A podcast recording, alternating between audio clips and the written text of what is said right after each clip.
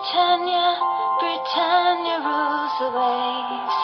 Britons never, never, never shall be slaves.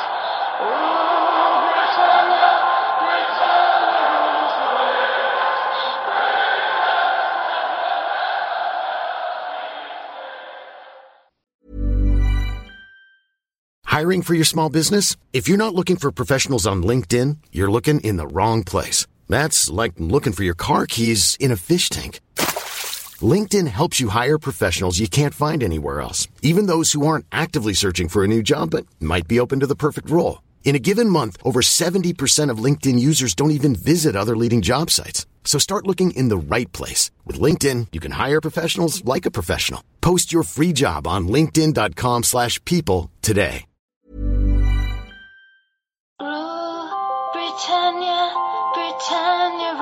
Rules the waves. Britons never, never, never shall be slaves.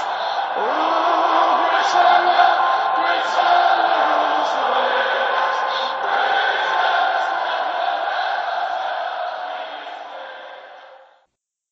Hej och välkomna till avsnitt 33 av Svenska FPL-podden.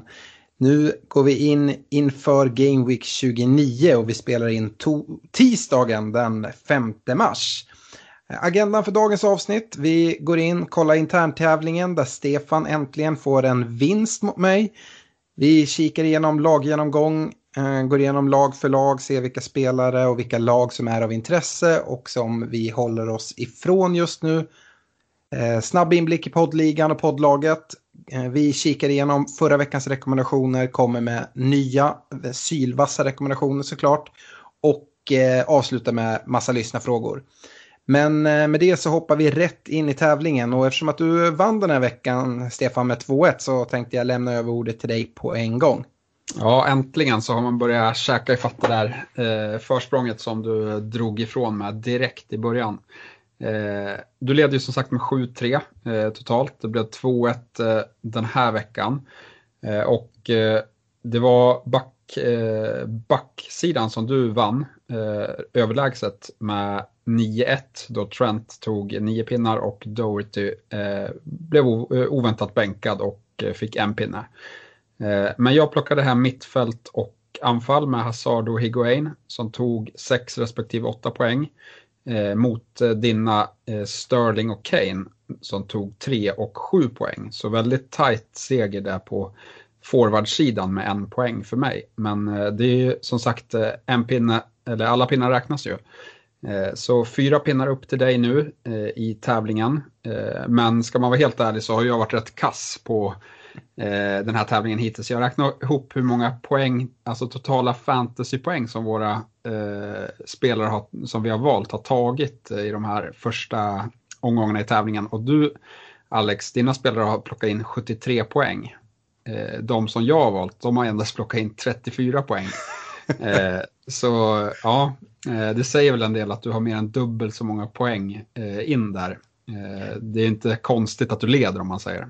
Du hade ju någon idé i början av den här tävlingen innan vi presenterade den att vi skulle räkna ihop poäng. Du kanske ska vara glad över att vi inte gjorde så.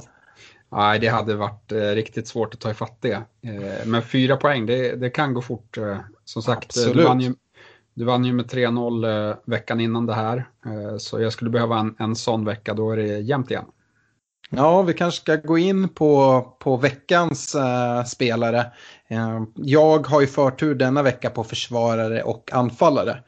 Och eh, därför så tänkte jag börja med försvarare och eh, varför inte fortsätta förlita mig på Trent Alexander-Arnold som har eh, varit till väldigt stor hjälp här senaste veckan. Det var ju han som gav mig min enda poäng den, här veckan. Nu möter de Burnley hemma och jag ser att Liverpool, de ser faktiskt riktigt bra ut hemma på Anfield även om de har haft lite mer problem på bortaplan.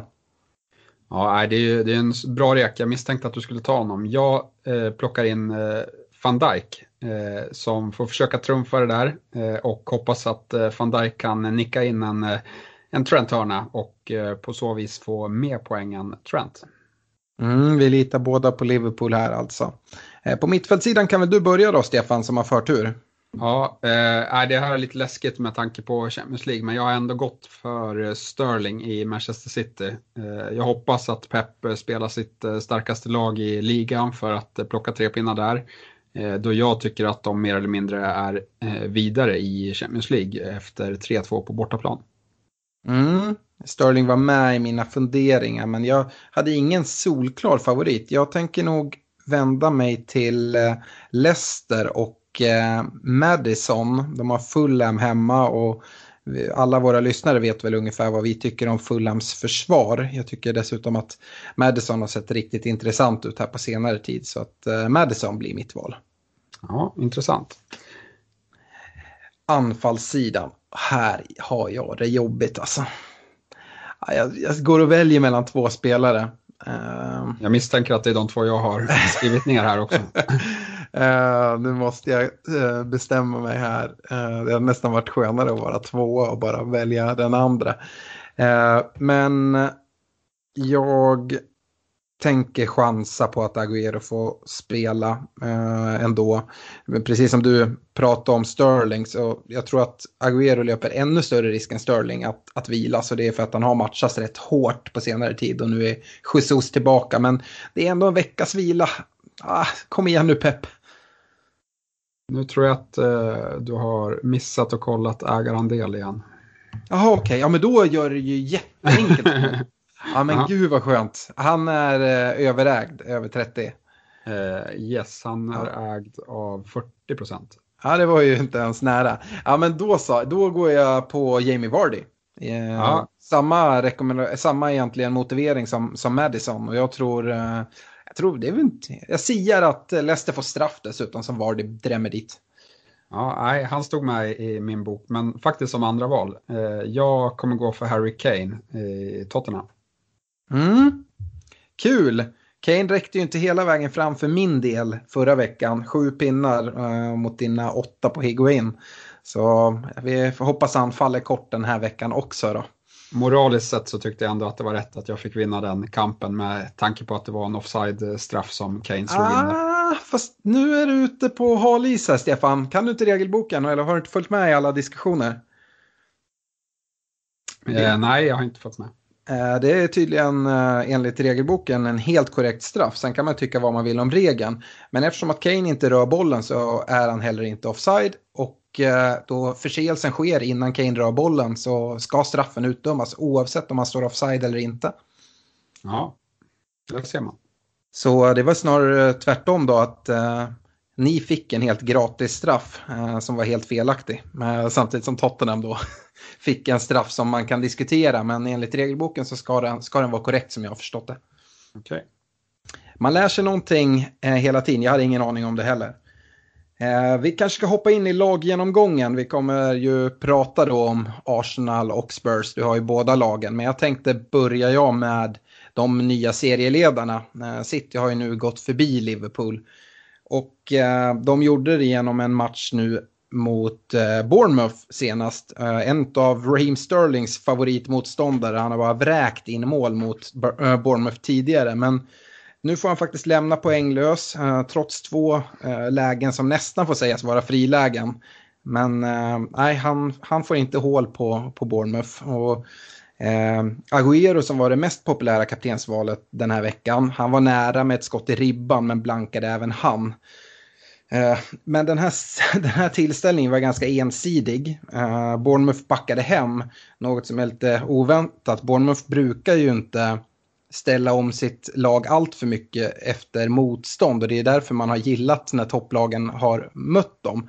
Men eh, här ställde de hela eh, laget bakom och eh, det syns tydligt. Det var 23-0 i, i, i, avslut. Det var 7-0 i skott på mål. Så, eller, så att Bournemouth hade inte ens ett enda avslut alltså, överhuvudtaget, varken utanför eller täckt skott.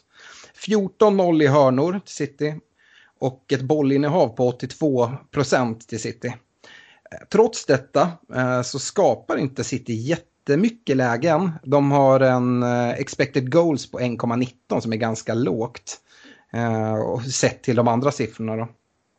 Men eh, vi kan avsluta med en liten skadeuppdatering kring City, för det händer en hel del eh, här. De ska vara glada över att de har en extremt eh, stark trupp. Både Laporte och Fernandinho ser ut att vara åter först i slutet av månaden, alltså nu i mars. Eh, och eh, Stones som var osäker till denna match startade men gick av eh, med anledning av sin ljumske. Men det verkar dock mest vara en försiktighetsåtgärd, säger Pep.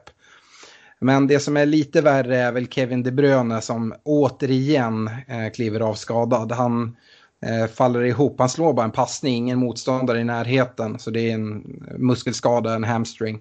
Så att han blir borta nu eh, ett tag igen. Och eh, den skadan tycker jag eh, kan vara ganska intressant att kika mot. Eh, min gissning är att detta borde innebära att Bernardo Silva nu oftare kommer att användas som central mittfältare, vilket borde ge eh, Sané, Mares och Sterling lite mer speltid. Och då kanske framförallt Sané och Mares fler minuter. Så eh, det är intressant för de som har hållit kvar i, i Sané. Eh, Mares tror jag inte det är jättemånga som äger, han gör ju matchens enda mål här. Eh, men eh, Ja, Sané eh, vet jag att det är vissa som eventuellt kan fortfarande sitta kvar med. Eh, men Dy kan vi nog också förvänta oss att se tillbaka i startelvan inom kort efter hans skador från Varo då han eh, verkar vara, vara på bättringen. Jag skulle vilja flika in där och säga att jag tycker att Mares, eller jag tror Mares kommer få mer speltid än Sané. Just på grund av om Mendy ska in i startelvan så brukar inte Sané få plats och eh, även det här bytet när De Bruyne blir skadad så byter de väl in Mares eh, istället för eh, De Bruyne. Eh, med Sané frisk på bänken. Mm. Ja, det, vi, vi, får se. Jag tror att det kommer innebära mer speltid oavsett för både Mares och, och Sané. Och kanske lite mindre rotationsrisk på Sterling också. Mm. Eh, yes, det var bara en liten inflikelse. Eh, ja, jag tänkte, jag tänkte ta upp eh, Chelsea eh, och eh, jag ser väl dem som kanske det viktigaste laget för folk som inte har alla sina chips kvar då de spelar i både omgång, eller i omgång 31, 32 och 33. Och där också har en förmodad dubbelvecka i omgång 32 som vi inte har fått bekräftat än. Och offensivt sett så har vi alltid Hazard, men jag tycker även att Higuain börjar se allt bättre ut. Eh, och eh, han har väl även kanske lite närmare till att göra mål än vad Hazard eh, har som ofta agerar framspelare. Och jag tror, jag tror även att Hazard skulle må bra av att vilas här i Europa League för att han, han har väl haft lite tecken på eh, trötthet och att eh, han tar lite felaktiga beslut, tar lite dåliga avslut och sånt som, eh, som, man, som man inte brukar se honom göra. annars bakåt så skulle jag säga att Luis eh, är bästa valet. Nu har han även vilats här, eh, så nu borde han vara redo för att köra resten av matcherna in till, eh, till slutet av säsongen. och skulle man vilja dubbla upp så är väl så faller väl valet på Aspilicueta. men man ska även säga att mot Fulham så såg det lite skakigt ut bakåt för Chelsea. Mm. Eh, Liverpool då som har tappat serieledningen nu. Eh, deras fina försvar fortsätter leverera nollor och även bonuspoäng. Nu senast tre bonus till Trent och två till van Dijk. Samtidigt som offensiven hackar lite, framförallt på bortaplan och speciellt Salah.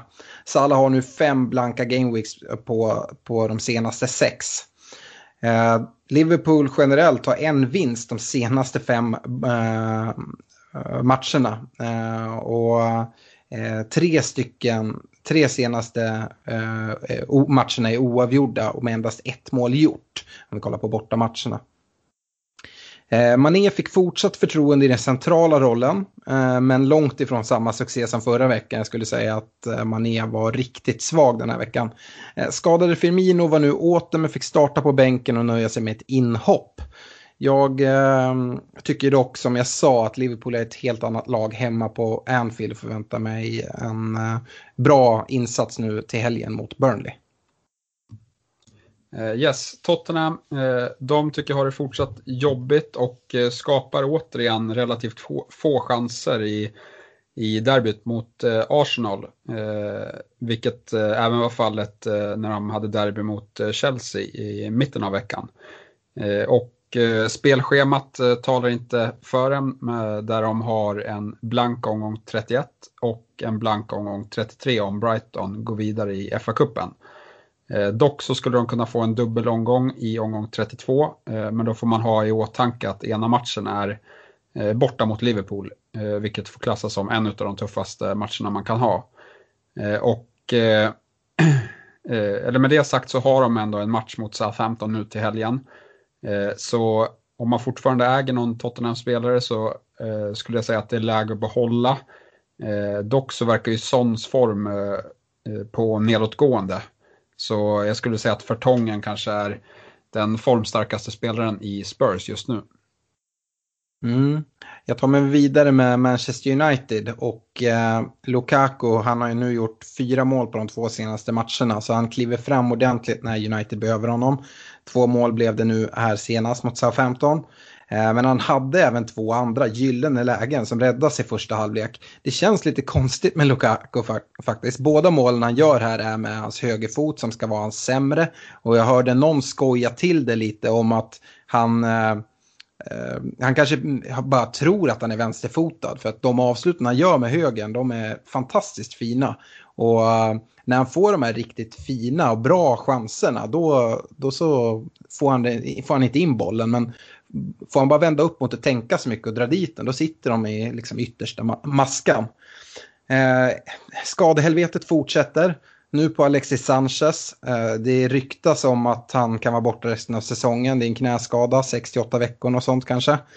Och eh, även om Sanchez kanske inte har visat upp någon superform så är, innebär det här ändå en hel del problem för United skulle jag säga sett till nuvarande skadesituation.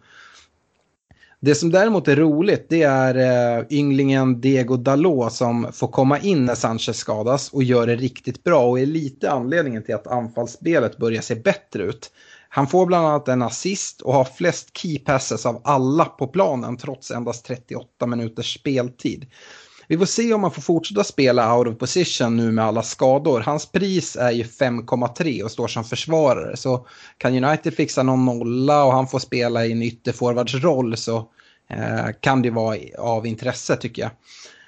Eh, Rashford som många äger, ganska osynlig i den här matchen, men är den som fixar straffen i slutet av matchen som Pogba dock missar på tilläggstid. Så att um, han försöker, Pogba försöker lägga bollen mitt i målet och den räddas med fötterna av målvakten där. Eh, men eh, eh, Ole Gunnar Solskjaer går i alla fall ut efter, eh, efter matchen och säger att Pogba har fortsatt förtroende och kommer att ta nästa, nästa straff när den ges i alla fall för de som är lite oroliga där. Men eh, det finns ändå lite orosmoln kring alla Pogba-ägare. Det är väldigt många som sitter med Pogba. Nu när Matic är borta framförallt ser han ut att hamna i en lite mer djupare roll. Eh, det är både skador på Matic och Herrera men jag tror framförallt att det är på grund av Matic han, han kommer ner. Eh, för mig börjar det ringa en del varningsklockor ändå ur ett FPL-perspektiv. Och det syns eh, tydligt i hans underliggande stats också sedan Matic försvann då. Det är Champions League-retur imorgon onsdag för United. Eh, och eh, sedan en jätteviktig match eh, gällande Champions League-platserna för nästa år mot Arsenal borta till helgen. Vi får se vad för lag United ställer upp med i Champions League-matchen, men jag tror att det kommer vara mer eller mindre bästa lag i alla fall. Även fast det är ett tufft utgångsläge. Pogba är dock avstängd i den matchen i Champions League. Eh, apropå avstängningar så kan jag påminna alla som sitter eh, och äger Luke Shaw att han står på nio varningar och endast en varning till ifrån en två matchers lång avstängning. Eh, yes, vi har kommit fram till eh, Uniteds motståndare i helgen då, eh, i Arsenal. Eh, och eh, det blir ju 1-1 i North London Derby eh, i en match som hade det mesta. Eh, Vansinnestackling från Xhaka i första, fantomräddningar av Leno, Eh, felaktigt dömda straffar, eh, fast du har ju rättat mig här Alex, eh, felaktigt dömd straff. Eh, straffmiss, räddning på mållinjen.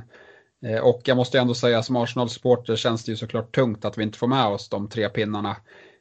men om man ska vara lite mer ob objektiv så hade ju Xhaka mycket väl kunnat varit utvisad i första halvlek när han sätter dobbarna i knävecket på Kane. Helt onödigt dessutom då Eh, vi har två spelare på rätt sida eh, när Kane har bollen. Eh, men om man ska sätta på sig FPL-glasögonen så ser det ändå fortsatt jobbigt ut med spelschemat. Som sagt United till helgen följt av en blank omgång 31 och dessutom så roterar Emery mycket på grund av Europa League, vilket är en ytterligare risk. Så rådet blir fortsatt att undvika Arsenal-spelare, Eh, men eh, man kan notera att Mkhitaryan är i väldigt, väldigt bra form eh, just nu. Ja, du, jag måste bara skjuta in lite, North London Derby, vilken, vilken match det var, mycket känslor. Men eh, den här straffen som eh, Aubameyang missar, har du sett hur mycket Fertongen tjuvar där för att hinna komma fram på returen? Nej, den har jag, det har jag missat. Jag har bara sett att uh, han, han är ju där och räddar ett uh, solklart mål. Uh, så om han tjuvar så, så ja, är det extra jobbigt. Du alltså, det är ganska vanligt att man tjuvar när, när straffarna slås, men det här är extremt. Han är alltså, nästan 2-3 meter in i straffområdet när Aubameyang slår till bollen. Så att det, ja, det måste kännas jävligt surt uh, för, för Arsenal där tycker jag. För den straffen borde definitivt gå om. För att om inte han hade tjuvat så hade, det, hade returen suttit. Men som sagt, som sagt, den straffen är ju väldigt tveksam också. Det, I och för sig. Det är väl mm. klart att eh, det kanske finns någon kontakt där, men jag tycker att, han, att Aubameyang lägger sig väldigt enkelt. Och ja. Jag tror att eh, de får straffen bara på grund av att Kane har fått en straff tidigare. Annars så tror jag inte att det hade blivit någon straff där. Nej, jag håller med, den straffen finns ju inte.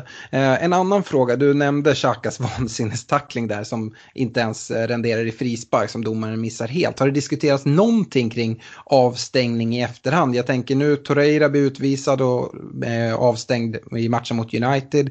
Kan Xhaka eventuellt också bli avstängd i efterhand eftersom domaren inte dömer någonting i situationen?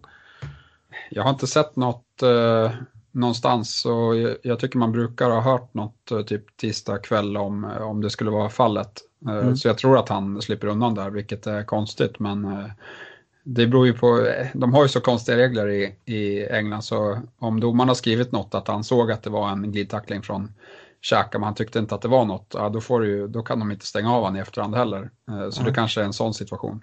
Ja, det är möjligt. Eh, bara saker som jag funderade lite kring. Jag ska gå vidare med Wolverhampton och eh, här såg vi en hel del rotation nu i, i, i veckan. Det var Patricio, den visste vi i och för sig innan om man hade koll på, på presskonferenserna. Det gick han ju ut och, och meddelade. Men dessutom så roterades båda ytterbackarna, Doherty och Johnny som ägs av många och Neves och Moutinho på, på mitten. Någon som dock får spela det är Jiménez på topp och han levererar. Eh, han och Jota leker med varandra och serverar varandra till varsitt mål ganska tidigt. Jota blir dock utbytt i början av andra, men eh, Jota-ägare behöver inte vara oroliga. Eh, det ska inte röra sig om någon skada utan ett rent taktiskt byte när Doherty kommer in och de skickar upp Eh, Traoré. Eh, Traoré var eh, väldigt offensivt och hjälpte inte Bennett så mycket i, defensiva situationer. Så det var därför han flyttades upp i banan och när Jota togs ut. Eh, apropå Bennett så drar han på sig sitt tionde gula eh, och blir avstängd två matcher. Men han ska framförallt vara extremt glad att han inte får ett andra gult kort i denna matchen. Det var verkligen ett solklart andra gult, gult som han eh, undviker eh, av någon outgrundlig anledning. Men som sagt missar han nu kommande två matcher och jag vet att det är ganska många som äger honom. Så att där bör man kanske se på att skifta spelare. Eh, Doherty gör som sagt ett inhopp och är extremt nära att få en assist. Men Edridge i eh, Cardiffs kasse gör en kanonräddning på Khemenes avslut. Typiskt för alla Doherty och Johnny-ägare är väl att när Wolves väl håller nollan så får de ej starta. De har ju inte hållit så många nollor. Eh, jag tycker den här rotationen dock är lite oroande inför den eh, Double Game Week 32. Eh, speciellt om de tar sig vidare från FA-cupen. Eh, jag tror att det, vi kan se lite rotation och inte alls kan räkna med eh, dubbla starter för spelare som Doherty och eh, Jonny till exempel. Däremot Jiménez tror jag är ganska immun mot att vilas. Han är så central i, i Wolves anfallsspel. Uh, yes. Eh, Leicester har vi kommit till och eh, de har ju som sagt eh, ny tränare i Brennan Rodgers. Han förlorade, eller tyvärr, han förlorar sin första match på stopptid vilket är såklart hårt. Men jag tycker att det finns mycket positiva tecken.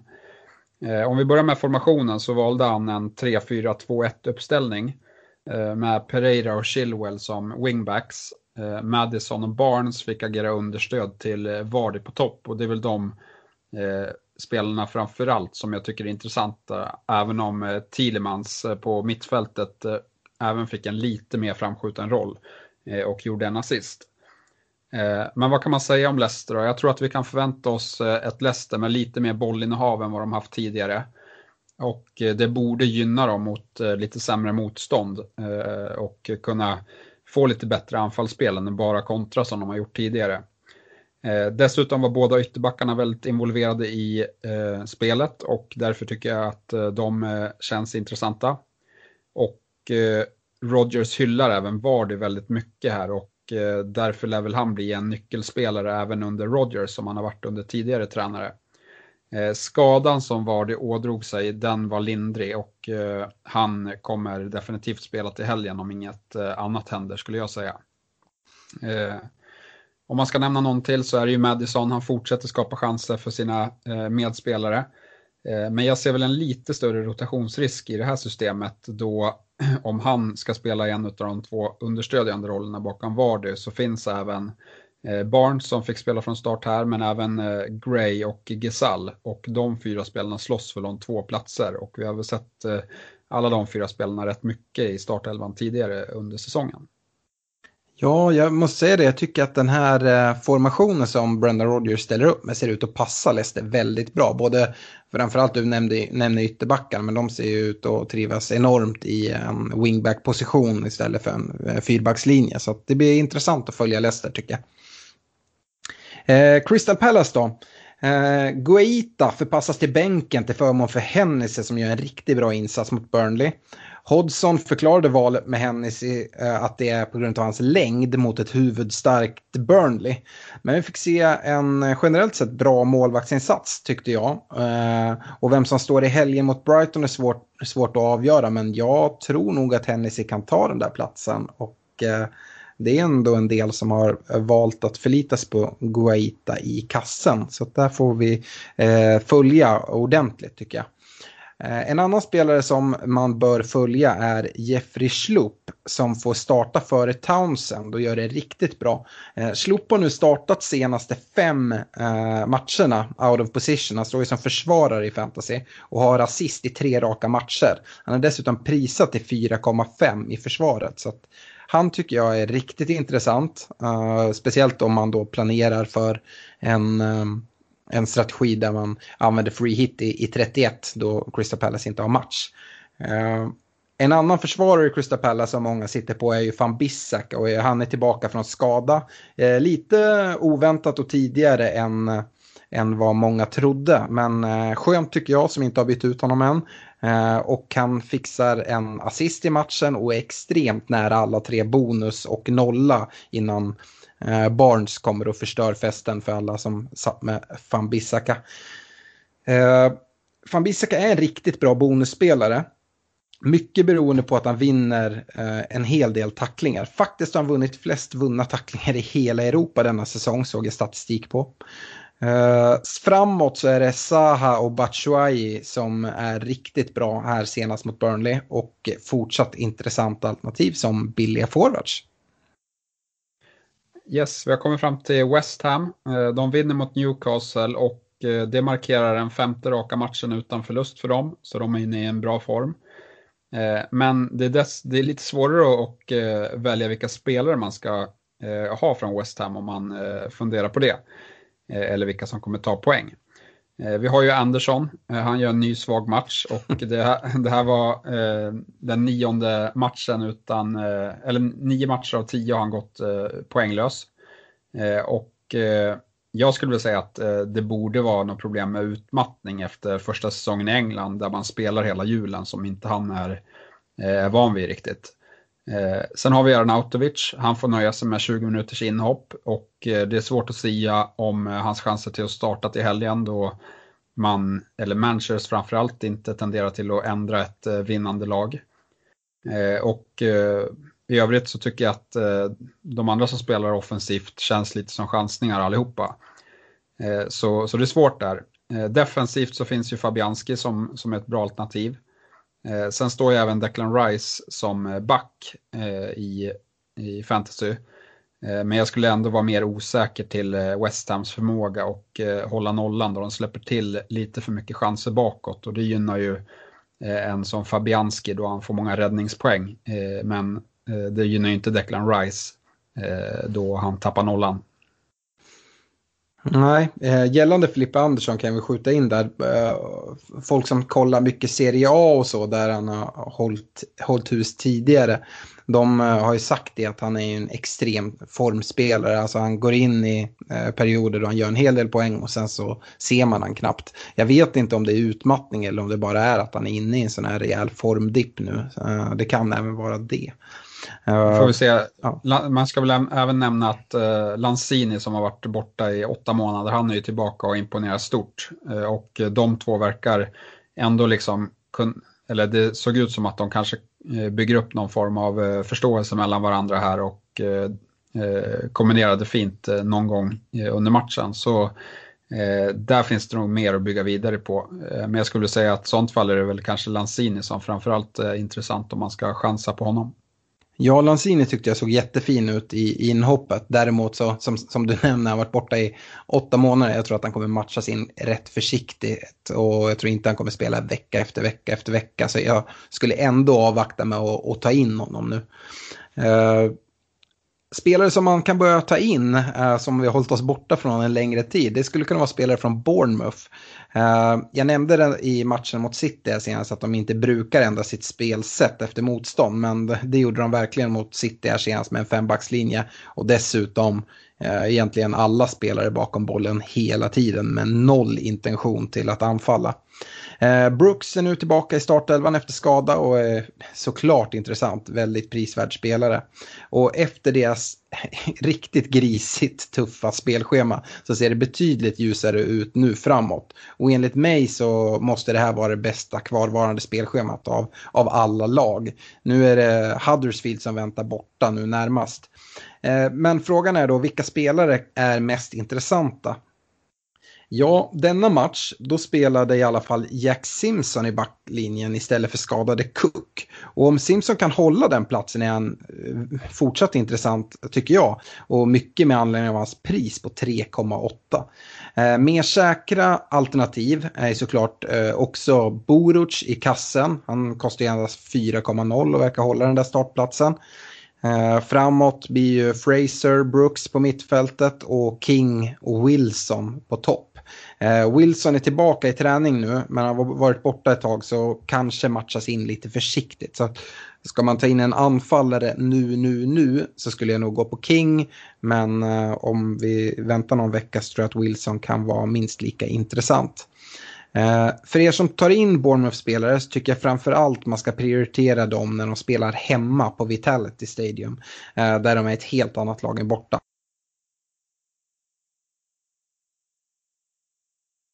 Fulham. Så att, eh, det finns absolut anledningar till att kolla mot Bournemouth.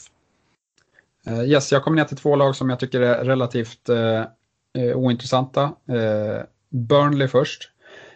det som gör Burnley, eller det som talar för Burnleys fördel är att de spelar i omgång 31 och 33. Eh, och eh, ja, det är ju Barnes på topp och Tarkovsky i försvaret som, som är de två bästa valen. Eh, men den här form, Eh, formen som Burnley har varit inne i eh, kanske är på väg att ta slut. Så jag skulle ändå vara försiktig med, eh, med deras spelare. sen har vi Brighton. och det här är ju ett lag som kan bli intressant i omgång 32 med en eventuell trippelmatch. Och de visade nu till helgen att de kan hålla nollan på hemmaplan. och då är det Ryan i kassen och Duff i backlinjen som känns hetast om det är så att de får en trippelomgång i omgång 32 det är väl väldigt troligt i alla fall att de kommer ha en dubbel i 32, eh, kan, kan vi väl säga. Ja, absolut. Men, men eh, den dubben behöver inte vara jättebra. Eh, vi får se lite vad, mm. vilka matcher det blir. Absolut jag går vidare med Newcastle. Eh, de släpper nu två mål senast efter att jag i förra podden hyllades deras eh, defensiv och Rafas ramstarka försvar. Eh, det är två mål på fasta situationer, en hörna och en straff mot West Ham. Eh, men eh, jag säger fortfarande att Newcastles försvar är eh, någonting man kan lita på framåt. Jag tror, att, jag, jag tror på Newcastle och framförallt defensiven. Framåt så är det Rondon, han har en fin frispark som går i stolpen. Sen så kan vi väl nämna det då, Fabian Kär i backlinjen har just nu nio gula kort och är endast ett kort ifrån en två match lång avstängning. Helt okej schema på Newcastle också. Uh, yes, så jag kommer fram till tre lag som jag absolut tycker man bör undvika och det är uh, först Watford. Uh, de vann ju mot Leicester och Dini gjorde äntligen mål på hemmaplan. Första hemmaplansmålet för honom sedan någon gång fyra. Men schemat ser hemskt ut med bortamatcher mot båda Manchesterklubbarna på varsin sida om en blank omgång 31. Så där är tipset att undvika. Eh, Southampton, de har tuff match mot eh, Spurs nu till helgen eh, och sen har de också en tom omgång 31 så där tycker jag också att man bör undvika. Och sista laget är Fulham. Och tyvärr så verkar det väl som förgjort för Fulham. mot Chelsea så visar de upp lite mer kämpaglöd och var nära att få med sig en pinne då först Mitrovic bränner ett väldigt bra läge i 89 minuten Eh, och sen får de ett eh, mål hårfint eh, bortdömt för offside i 94. Men det blev en ny förlust och jag fortsätter undvika Fulham. Mm, då har jag tre lag kvar och jag håller mig gärna borta från dem också här. Ehm, jag kan börja med Everton. Min förutsägelse som jag presenterade i laggenomgången förra veckan visar sig stämma. Både den om att Everton skulle göra allt i sin makt och kriga för varenda svettdroppe för att kunna förstöra för Liverpools titelrace uh, genom att knipa poäng. Men det kanske inte var så svårt att gissa. Men uh, dessutom då att Richarlison eventuellt kunde få nöja sig med en bänkplats efter ett gäng svaga insatser på senaste tiden. Däremot hans inhopp uh, lovade ganska gott. Men som sagt, jag håller mig borta. De har ju ett oerhört tufft hemmaschema här resten av säsongen. Går vi vidare till Cardiff så är eh, deras enligt mig bästa spelare Kamarassa åter tillbaka i truppen och eh, spelade. Eh, men en skadad Bamba i den här matchen kliver av. Men även innan skadan var riktigt, riktigt svag. Men han är nog tveksam till helgen skulle jag säga. Fortsatt rejält jobbigt för Cardiff så de skippar jag. Och sen så kan vi väl ta det ligans sämsta lag i Huddersfield ta inte någon spelare härifrån. Ur ett FBL-perspektiv skulle jag snarare säga att man ska försöka hitta spelare i lagen som möter dem framöver. Eh, snart är det dessutom matematiskt kört för Huddersfield och de möter några topplag, i, eller topp 6-lag i slutet av säsongen. Och frågan är vad vi kan vänta oss för Huddersfield då. Antingen kan det ju vara så att de spelar utan press och gör det helt okej, okay, eller så kan det ju fullständigt rasera. Och eh, jag vet till exempel att de möter Liverpool sent då Huddersfield borde vara ute. Och de som sitter med det här triple captain-chippet eh, kvar, alltså jag tycker den matchen ser, ser livsfarlig ut om Salah bara kan hitta lite självförtroende här innan dess. Yes, det var laggenomgången. När vi är klara med laggenomgången så brukar vi som vanligt gå vidare till poddligan. Det ska vi göra nu också. Och eh, vår ledare har faktiskt eh, passerat eh, gränsen på 1900 poäng, vilket är väldigt, väldigt starkt. 1902 poäng har Alexander Meltoft eh, samlat ihop. Det är faktiskt bara 90 spelare i hela världen som har över 1900 poäng. Så att, nej, grymt gjort Alex. Ehm, den som leder i världen kan jag, kan jag ju nämna också. Eh, det är en spelare från Nya Zeeland och han har faktiskt över 2000 poäng. Eh, ja, det är, det är rejält mycket mer än vad vi har, Stefan. Även om vi tycker att vi har gjort det helt okej okay hittills. Eh, andra platsen i poddligan Eh, Eh, är Alexander Myran som kämpar sig in i topp tre igen. 1869 ligger han på så Meltoft har en, en, ändå en buffert där. Eh, platsen hålls fortfarande av Tommy Mross på 1860 poäng. Eh, poddlaget då. Jo, vi har 1765 poäng eh, och i poddligan så eh, avancerar vi lite grann från plats 56 till 51 och i världen avancerar vi också och ligger på plats 21 000 ungefär. Vi tog 50 poäng den här veckan, vilket får ses som helt okej. Okay. Det var ganska många som hade tunga veckor. Eh, snittet tror jag låg på 40. Eh, vi gjorde ju eh, ett dubbelbyte eh, förra veckan och eh, som vi hade hoppats lite mer på än vad vi fick utväxling på. Eh, vi eh, tog in Sterling och Hazard som vi trodde skulle få riktigt fina omgångar istället för Salah och Sané.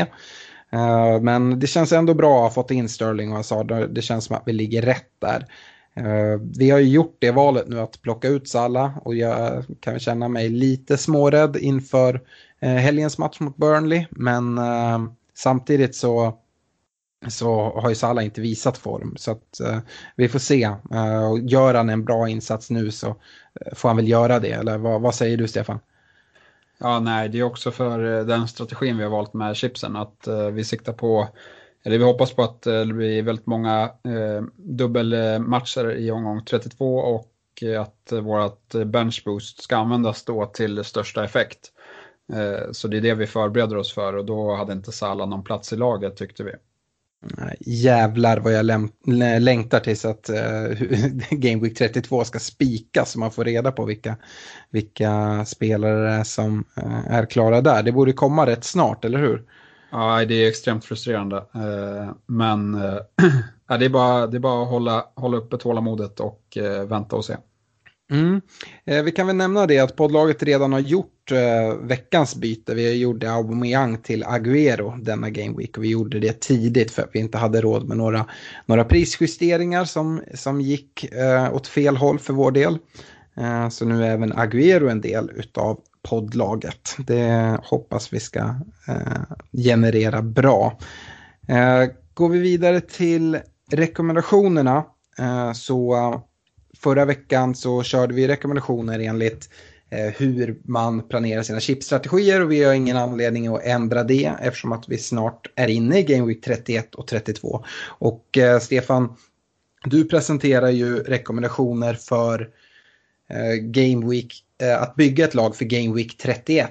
Eh, och då rekade du eh, David Luiz, det hade du lite oflytt, han blev ju bänkad här senaste matchen. Men som du säger så är ju han en av de intressanta spelarna i Chelsea och nu har han fått sin, sin eh, rotation. Så att det, det borde ju ändå eh, båda gott här inför eh, ja, både Game Week 31, 32, 33. Ja, ab ja, absolut. Jag kan beta av mina. Jag hade ju tre Chelsea-lirare som rekommendationer och eh, eh, som du säger Louis eh, vilades men han, han är ju ordinarie skulle jag säga. Eh, Hazard, han tog sex poäng. Eh, han var väl okej, okay, eh, men som, som, jag var inne på tidigare så kanske lite trötthetstecken så förhoppningsvis får han eh, vila i Europa League. Eh, och eh, sen har vi Higuain som jag tycker ser ut att komma in i allt bättre form. I den här matchen har han, eh, förutom målet han gör som ett bra avslut, så har han även ett till riktigt bra avslut i, mot första stolpen som eh, Rico eh, räddar. Och och eh, sen har han några situationer som han hade kunnat gjort bättre men eh, en Higuain i form kanske hade pillat in ett eh, hattrick i, i matchen eh, mot Fulham. Mm. Jag kan ju riva av mina som då bygger på en strategi att bygga lag inför Game Week 32 eh, och i så fall använda då free hit i Game Week 31. Det är den strategi som vi väljer att eh, köra på i vårt poddlag och även i mitt privata lag. Eh, Försvarssidan så rekommenderar jag att ta in Brighton-försvarare. Dunk om man inte riktigt hade pengar att ta in Duffy. Eh, men Duffy ligger ändå före. Det blev ändå schysst tycker jag. Ehm, Dunk tog sju pinnar, Duffy nio. På, på mittfältet så hade jag samma rek som du på, på Hazard och han även spelar förmodligen eh, dubbel game week i Eh, 32 och tog sex pinnar. Och på forwardsidan så pratar jag om eh, min kelgris Jiménez i Wolverhampton. Han plockar hem 12 pinnar eh, så det blir också väldigt bra. Går vi till den här veckans rekommendationer så kan vi börja på försvarssidan och jag rekar då fort, fortsatt för Game Week 32 och eh, säger då eh, Nicolas Otamendi i Manchester City. En spelare som man kanske lite har lagt åt sidan. Men han har fått starta nu två raka eh, med anledning av skadesituationen i Manchester City. Och eh, är en väldigt bra bonusspelare. Men eh, det finns ju risker med det här såklart. Det kan ju vara så att Laporte kommer tillbaka tidigare. Nu är det ju mellan Game Week 31 och 32 så är det eh, två veckors landslagsuppehåll. Det ska man ha med sig. Men eh, jag tycker Otamendi ändå ser ut att ha gjort det fint och jag, Stones fortsätter dras med en del skadebekymmer. Eh, kompani vet vi inte riktigt eh, klarar av att spela speciellt mycket. Så att jag tror att Otamendi ändå kommer få en del speltid. Eh, yes, eh, min backrek den här veckan den är ju för Eh, folk som kollar på att få in spelare som spelar i vecka 31 och eh, 33. Eh, och jag har valt, även om båda Leicesters ytterbackar var fina, så har jag valt Chilwell. Han är 0,4 billigare än Pereira och jag tycker att han kom till lite bättre lägen i första matchen här under Rogers. Så jag backar Chilwell framför Pereira.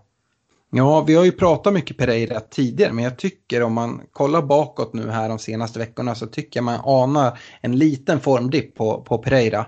Uh, så att det tycker jag låter vettigt att gå på Chilwell-spåret om man ska välja nu. Om man har tagit in Pereira tidigare sitter man ju såklart kvar med honom. Uh, mittfältsrekarna då Stefan, vad eh, har du tänkt där till Game Week 31? Eh, där har jag valt eh, Brooks som var tillbaka efter skada nu eh, till helgen. Han var väl eh, relativt, eh, eller ja de mötte ju City så det är svårt. Eh, men han, han eh, gjorde väl ingen glad så. men det viktigaste för honom var att han fick minuter i benen. och jag tycker att det är läge att byta in honom redan nu för att till helgen så möter de Huddersfield och sen har de två fina hemmamatcher i omgång 31 och 33. Så det är min mittfältsrek. Yes. Jag har ju gjort så, såklart på backsidan. Jag rekar fortfarande Duffy i, i Brighton. Men jag har verkligen försökt att hitta andra spelare som, som jag inte rekade. Men på mittfältssidan var jag tvungen att falla tillbaka till. Jag sa ju att jag rekade Hazard, men jag nämnde även Sterling. Så att jag fortsätter att backa Sterling. Jag tror att det kommer vara en väldigt viktig spelare. Och jag nämnde ju det nu i och med Kevin De Bruyne, att han eh, skadar sig och att eh, då förmodligen Bernardo Silva kommer gå in i en central roll. Det kommer göra att Sterling får än mer speltid. Uh, yes, uh, forwardsidan så tycker jag att uh, det var rätt lätt uh, då Jamie Vardy var bra första matchen under Rogers och jag tror att han kommer leverera fortsatt. jag tror även att han kan Eh, eller att eh, Leicester kommer bli bättre mot eh, lite sämre motstånd som står på schemat just nu. Så han var lätt att skriva in i forwardsreken. Mm. Eh, Jiménez som jag nämnde förra veckan är såklart eh, fortsatt kelgris men eh, Agüero, han, eh, jag tror man behöver ha honom helt enkelt. Eh, City kommer gå, göra allt nu för att bara gasa i ligan och eh, Agüero kommer stå för en hel del kassar eh, om, om jag tror, tror rätt. Så att Agüero är mitt tips.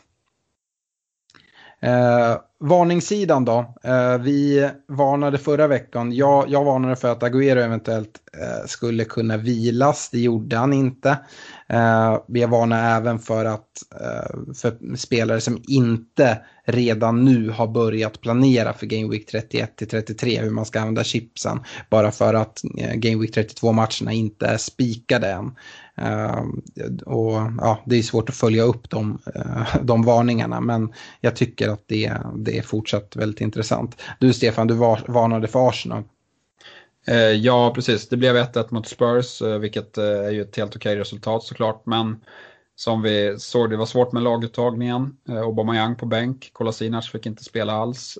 Özil tillbaka på bänken. Eh, så jag tycker att eh, det är väldigt svårt att hitta någon i Arsenal som, eh, som man kan äga just nu.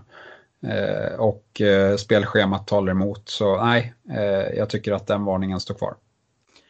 Eh, varning nu, jag tycker det finns jättemånga olika varningar att kasta in verkligen. Jag pratar ju lite om den här lilla varningsflaggan på, på Pogba som, eh, jag säger väl inte att man ska byta ut honom, men jag tror inte man ska sätta binden på honom eh, förrän man ser lite bättre tendenser alternativt att eh, Matic kommer tillbaka och Pogba får komma upp i en lite mer offensiv position. Men annars så varnar jag för Pallas målvaktssituation nu där Guaita fick sitta på bänken och Hennessy komma in och göra en bra match. Jag tror att vi kommer få se Hennessy i kassan till helgen. Eh, jag varnar för Champions League-returer eh, och eh, rotation kopplat till det. Det är lättare såklart den här veckan med Spurs och United som kommer spela, som man vet om redan att de har gjort det. Men United har väl även, där finns det väl kanske lite rotationsrisk, men, men de har ju en toppmatch till helgen så ja, det, är väl, det är väl starkast lag i båda de matcherna. Men däremot Liverpool och City, de ska ju spela Eh, efter omgång eh, 30 här nu så ska ju de spela eh, Champions League. Och även om City är mer eller mindre vidare så vet man aldrig med Pep och Liverpool har ju en extremt svår match borta mot, mot Bayern och det är bara tre dagar mellan deras ligamatcher och Champions League-returerna. Så där tror jag att vi kan få se lite rotation till helgen. Mm. Eh, Kaptensval då. Vi båda rekade Sterling här i, eh, i förra veckan och eh, det blev ju inte så lyckat som vi hade hoppats trots att de mötte sitt favoritlag Bournemouth. Tre pinnar blev det där. Jag sa ju även det att jag tycker att differential-kaptenen på, på Jiménez eller Doherty kan vara värd att fortsätta tänka på. Eh, valde man att sätta den på en Jimenez fick man ju fin utdelning. Eh, den här veckan däremot så eh, gör jag någonting som, som jag tycker är farligt att göra och det är att lita på pepp. Men eh, jag tycker att man bör sätta binden på Agüero. Ja, jag tycker också att deras match ser intressant ut och om jag skulle välja att kaptena någon City-spelare så skulle jag välja Sterling. Men jag tycker även att eh, Jamie Vardy eh, ser ut att vara ett riktigt eh, fint alternativ med en hemmamatch mot Fulham. Så jag går väl egentligen på honom som riktiga reken. Mm. Nu, vi kan väl stanna lite i kaptensdiskussionen. Jag tänkte det. Jag tror att Salah kommer vara en spelare som, som många sätter sin bindel på nu när de spelar hemma på Anfield mot eh, Burnley till helgen. Eh, du varnar ju lite för rotation. Tror du det finns någon risk att Salah får börja på bänken till helgen eller tror du snarare att det rör sig om att han kanske byts ut tidigt? Det är svårt att säga om det. Klopp brukar väl eh, byta ut sina stjärnspelare tidigt eh, om jag minns rätt. Men han skulle väl mycket väl kunna starta på bänken också. Eh, ingenting är omöjligt i det här läget skulle jag säga. Skulle du avråda från att sätta binden på, på Salah eller tycker du ändå att det finns, finns, uh, finns skäl att sätta den där? Jag, jag tycker det är klart man kan sätta den där och, och få bra poäng, men, men jag personligen så, så, så ha, har jag kvar Salah i laget och jag kommer inte sätta binden på honom. Eh, jag tycker att det känns för osäkert och dessutom så har ju hans form varit eh, bedrövlig på slutet. Så nej, eh, jag kommer inte sätta den där i alla fall. Nej. Eh, vi går vidare då med sista eh, rekommendationen som vi brukar komma med och det är då en differential, eh, en spelare med ägarandel under 5 procent. Du rekade förra veckan då Madison med tanke på att bygga ett lag inför 31, två pinnar blev det där och jag rekade inför Game Week 32 och lite oväntat så valde jag att reka en målvakt eftersom att jag tycker att det är extremt viktigt att ha två spelande eh, målvakter i en dubbelvecka om man spelar sitt benchboost. Och jag rekade eh, Matt Ryan i Brighton som plockade nio pinnar här eh, förra veckan. Ja, det var en fin rek Alex. Eh, Madison, eh, som, som vi var inne på, han hade kunnat fått en ass men eh, det har varit lite så för han hela säsongen. Jag ser det dock fortsatt som en helt okej okay differential. Den här veckan har jag valt Almiron i Newcastle, endast ägd av runt 1%. Jag tycker att han fortsatt ser intressant ut och du var inne på det Alex att Newcastle ser, ser ut att vara i bra form trots en, en torsk nu förra helgen. Yes, jag måste säga det med Ryan också. Vi fick ju eh, veta att eh, Patricio skulle roteras här i eh, på presskonferenserna och eftersom jag endast har en spelande målvakt i, i Patricio som det ser ut så eh, gjorde jag bytet och tog in Ryan istället för Hamer, eh, Huddersfields andra målis som bara har suttit där och hållit en bänkplats egentligen. Eh, så att Ryan spelade för mig och drog in fina nio pinnar till mitt privata lag. Eh, så att det, det blev faktiskt riktigt bra när man följer sin egen rekommendation ibland. Eh, den här veckan så tänker jag nämna spelare som jag gick igenom på laggenomgången och det är Jeffrey Schlupp i Crystal Palace. Han ägs av 3,4 procent och som sagt han har levererat tre stycken assist de senaste tre gameweeksen. Och eh, han, han står ju uppskriven som försvarare men spelar, ja, nu spelar han ytterforward men mittfältare har han framförallt spelat eh, tidigare och priset 4,5 lockar jättemycket tycker jag. Eh, yes, nu eh, kan vi väl påminna om det också. Deadline för Eh, byten och sådana saker är nu på lördag den 9 mars klockan 12.30. Så se till att göra alla era byten innan dess och ställ in ert lag med vem ska vara kapten och eh, vice kapten och bänkplatser och allting sånt där. Eh, med det sagt så hoppar vi in i lyssnarfrågorna och jag tänkte börja så här det märks att vi börjar gå mot eh, slutet av säsongen och det börjar bli kamp i de olika miniligorna man är med. Vi har faktiskt fått in en fråga via Messenger där frågeställaren vill vara anonym för att han inte vill avslöja någonting för sina eh, sina ligakonkurrenter. Han skriver så här, ställer frågan här av den anledning att det är så galet jämnt i vår kompisliga och jag vill inte avslöja något för de andra. Om man planerar för triple captain i Game Week 32, vilka skulle ni för, för, föreslå då? Pogba, Rashford från United, Hazard från Chelsea, Agüero, Sterling från City, om de lirar dubbelt såklart, skriver han. Sen om man, eh, ja, ja vi, kan börja, vi kan börja där och stoppa. Utav de du nämnde där, då tycker jag att, eh, att Sterling känns som eh, det bästa valet. Just för att jag tror att han kommer spela mest. Eh, jag ser en stor risk i att eh, Jesus eh, håller på och förstör eh, speltid för, för Agüero. Så, så, men, men så ser jag på den situationen i alla fall. Och dessutom så, så tar ju Sterling ofta, om man slår ut det på en säsong så ligger väl han högre Eh, i totala poängen vad Agüero gör. Ja, jag skulle även vilja säga så här att Ehm, du anonyma lyssnare eh, som ställer frågan, återkom jättegärna med frågan inför Game Week 32. För det är svårt att... Eh, vi har ju som sagt ett landslagsuppehåll mellan Game Week 31 och 32. Jag tycker det handlar en hel del om form. Det kan vara en del skador som har kommit in. Både på de här kaptensalternativen men även i de lag som de ska möta. Nu vet vi inte eh, hur, hur det ser ut för City, vilka lag det är. Men det skulle kunna vara en väldigt fin dubbelvecka för City. Eh, så att ja eh, det enda jag kan känna det är att de här Pogba och Rashford, där är jag rätt försiktig. Eh, som jag sa med Pogba, så med alla skador, det påverkar så pass mycket i utgångsposition. Så att, eh, jag lutar väl mer om man ska välja nu, men som sagt det är långt bort åt antingen Hazard i Chelsea som jag tror kommer ha en rätt bra dubbelvecka. Eh, alternativt då City och då, då förmodligen Sterling, precis som du säger. Sen så eh, frågar han även om eh, Game Week 31. Han är lite längre fram i tankarna än, än, vi, men vi har ju sagt att man ska ha en plan så det är väl bra. Eh, han undrar om man ska eh, sätta någon av Rashford eller Khemenez på bänken i Game Week 31 för att ha kvar dem. Eh, vem skulle ni spara då? Eh, då menar, jag, menar han nog att han ska byta ut en av dem. Jag tycker inte att han är så jättelångt fram i tankarna för Game Week 31 är ju efter den här omgången. Så, äh, men jag, jag sitter faktiskt med den, den problematiken själv. Så jag har tänkt på den situationen och jag skulle byta ut Rashford eh, i, i, om man skulle byta ut någon av de två. Eh, och det baserar jag lite på hur spelschemat ser ut eh, sen i, mot slutet av säsongen. Eh, där jag tycker att eh, United har lite tuffare matcher än, än eh, vad Wolves har. Ah, ja, jag, håller med dig eh, och, och det man kan tillägga är väl dessutom att Rashford är dyrare så man får mer pengar att röra sig för när man ska ta in någon ersättare där.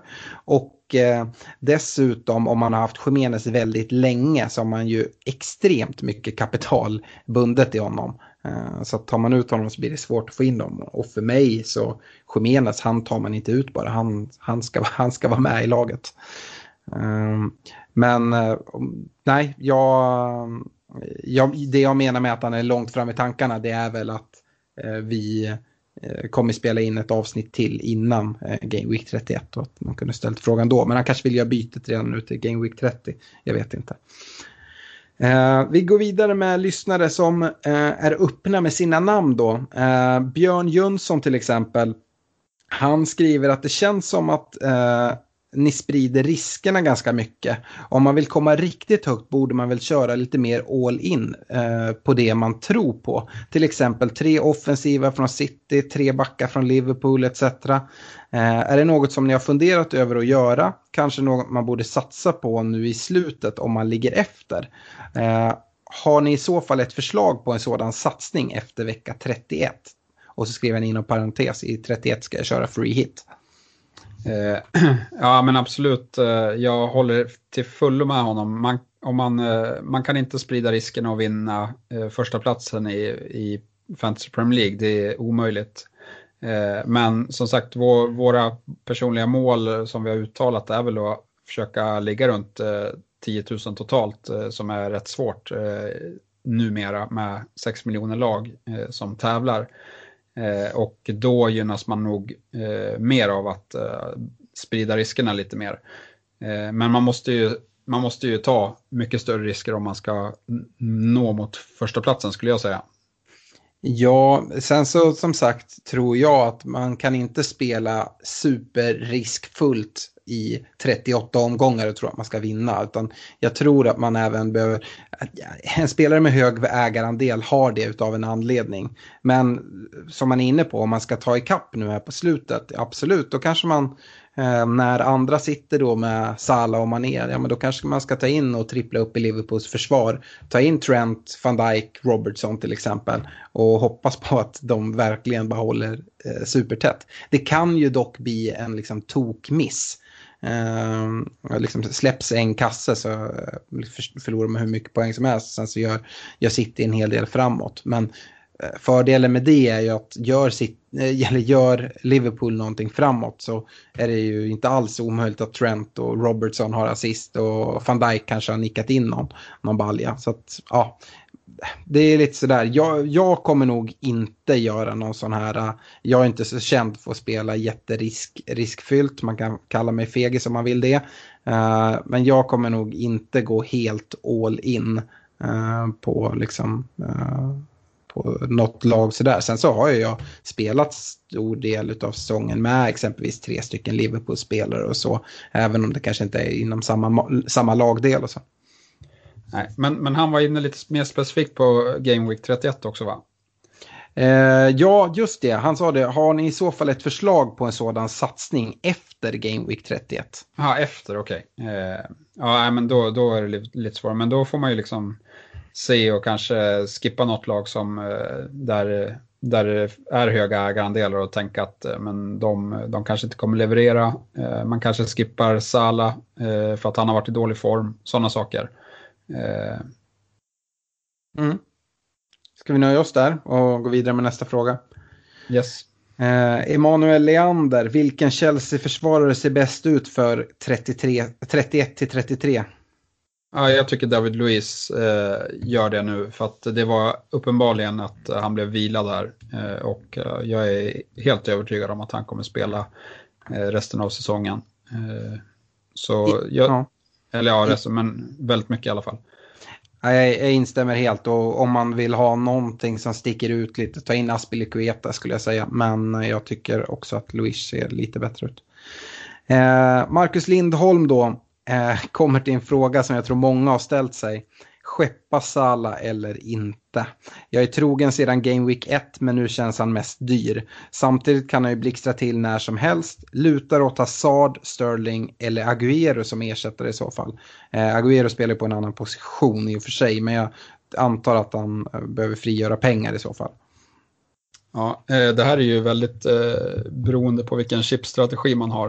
Eh, jag, jag kommer ju ha kvar Salah för att jag har en strategi att eh, köra free hit i omgång 32 eh, där han eh, inte har eh, någon dubbelomgång så då kommer jag skippa honom i den matchen. Eh, men jag tror ju att han är en spelare som kan förstöra väldigt mycket de här omgångarna när det, när det är få matcher. Eh, då han ska möta Fulham och Southampton i de två omgångarna. Eh, så, och sen du pratade ju om en omgång i slutet där mot Huddersfield i omgång 36 på hemmaplan. Eh, där finns det väl också väldigt stor risk att eh, han går bananas. Ja. Det, är inte så, det är inte så att han inte kommer till lägen utan det är det att han inte sätter dit sina lägen.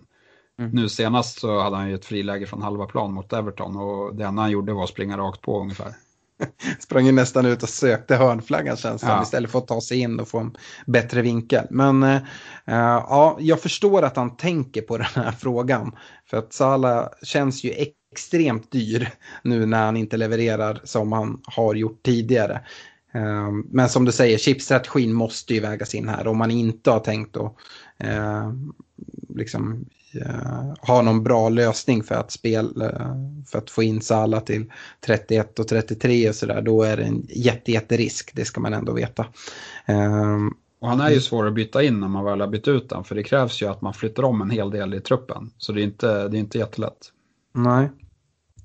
Eh, Robert Jonsson då? Jag behöver byta in en anfallare. Har redan Jiménez och Rashford. Vem ska jag ta in med tanke på omgång 32? Får max kosta 7 miljoner. Jag antar då att han planerar en free hit i 31. Uh, yes, uh, då ska vi se. 7 miljoner. Svårt då. Mm. Uh, ja, men eftersom många av de här dubbelmatcherna inte bekräftade heller.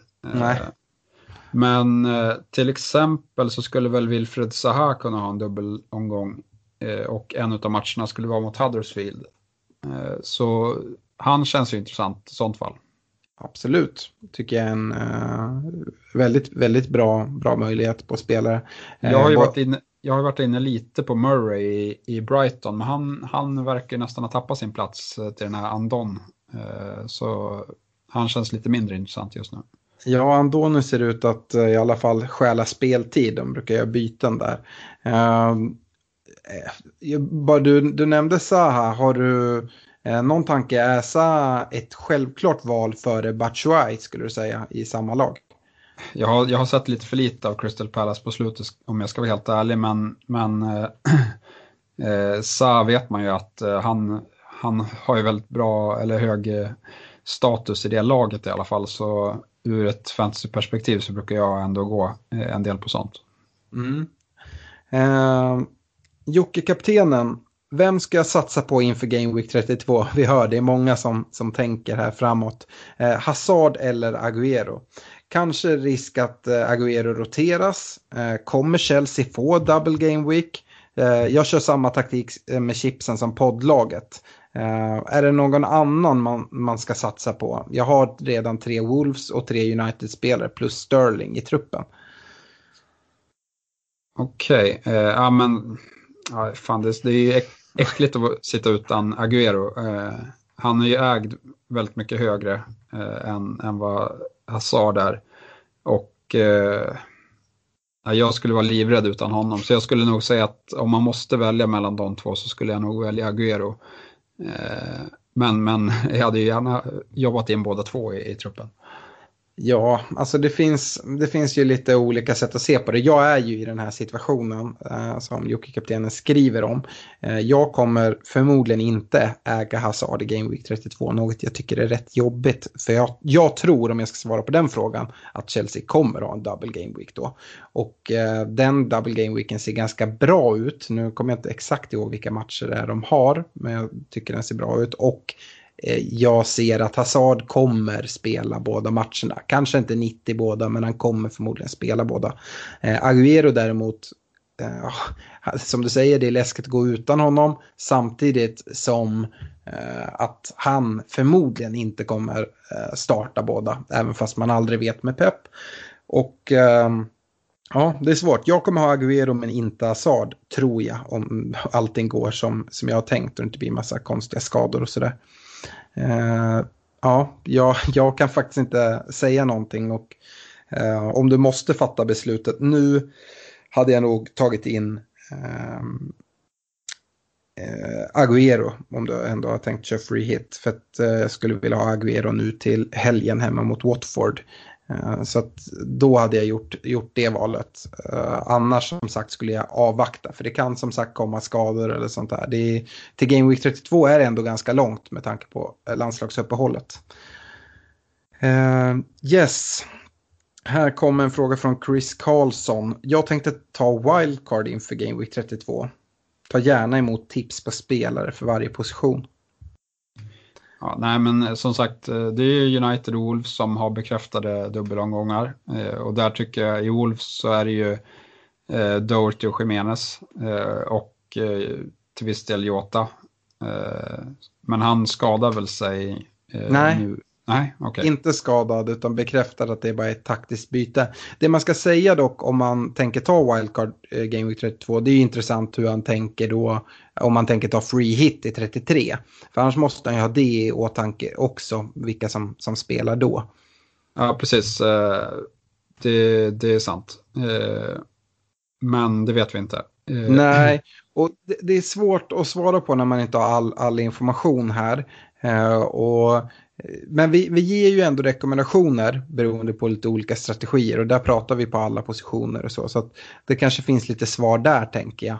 Eh, men som sagt, det viktiga att tänka på om du drar wildcardet i 32 det är att eh, har du en plan att dra free hit i 33, ja men då, då behöver du inte tänka på det. Men annars behöver du ju faktiskt ha lite tankar kring det också.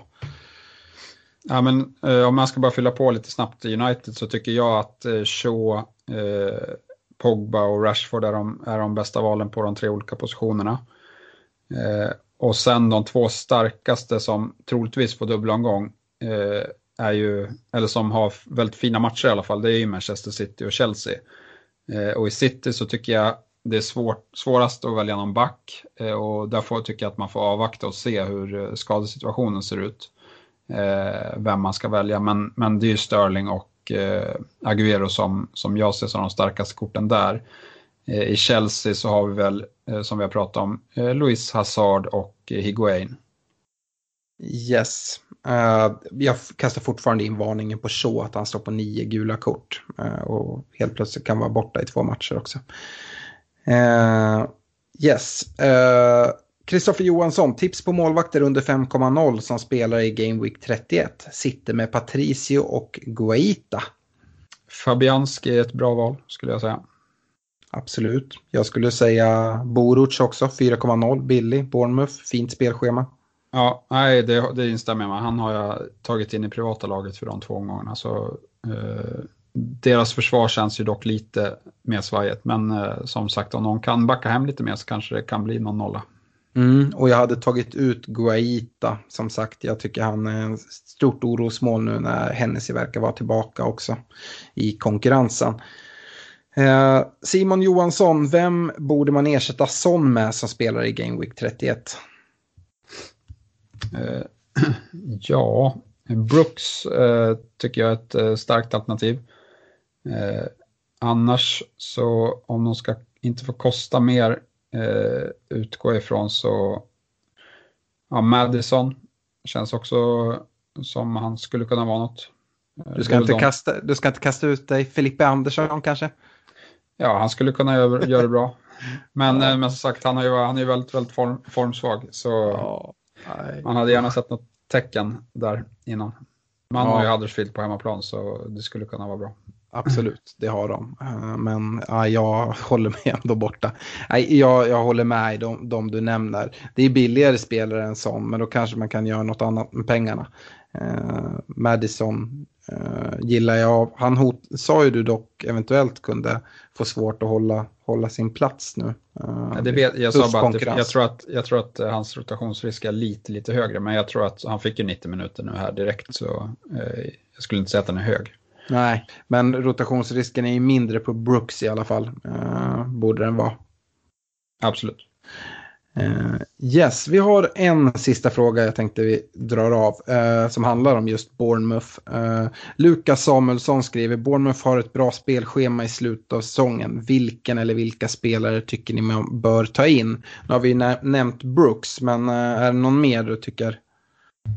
Eh, nej, men det, ju, det, finns fyra spelare från, från Fulham, eller från Bournemouth som var bra i början av säsongen. Eh, och det är ju Fraser, Brooks, eh, King och Eh, Wilson. Eh, och där Wilson trumfade ju King rätt rejält i, i början. Men han har varit skadad en rätt så lång tid nu. Eh, så jag skulle inte, när han är tillbaka så skulle jag tro att han kommer börja matchas in från, från bänk faktiskt. Ja, absolut. Jag kan väl säga det, det finns ju som sagt flera intressanta spelare. Jag nämnde ju några i laggenomgången där med, med King och Wilson och Fraser och Brooks. Jag tror det är de de flesta kollar på. Boruc i kassen. Eh, men Eh, jag skulle samtidigt säga att man ska inte stirra sig helt blind på spelschemat och bara fylla på laget, ta in tre Bournemouth-spelare. Det skulle nog jag eh, avråda ifrån. Eh, Bournemouth är ett sånt där lag också som om några omgångar om allt vill sig väl kommer ligga i en så här ingenmansland där de inte riskerar att åka ut och de har egentligen inte så mycket för att spela för uppåt. Uh, så att, att fylla hela laget med Bournemouth-spelare och ta upp tre platser, ja, även om det är bra spelschema. Utan jag, välj en eller högst två skulle jag säga. Kan du hålla med om det, Stefan? Absolut. Mm. Uh, yes, med det så avslutar vi eh, veckans podcast och eh, vi återkommer inför nästa vecka och då kan jag tänka mig att vi eh, dels eh, själva bara kommer prata en hel del om Game Week 31. Jag tänker att vi kanske kan presentera ett förslag på ett, wild, eh, ett free hit-lag om man väljer den taktiken. Och sen antar jag att det kommer vara en hel del lyssnarfrågor som rör just Game Week 31. Ehm, får se om vi har fått besked då om eh, Game Week eh, 32 och dubbelomgångarna också eventuellt. Ehm, med det så tackar jag för mig. Ha det bra. Och jag tackar för mig. Ha det bra. Hej hej.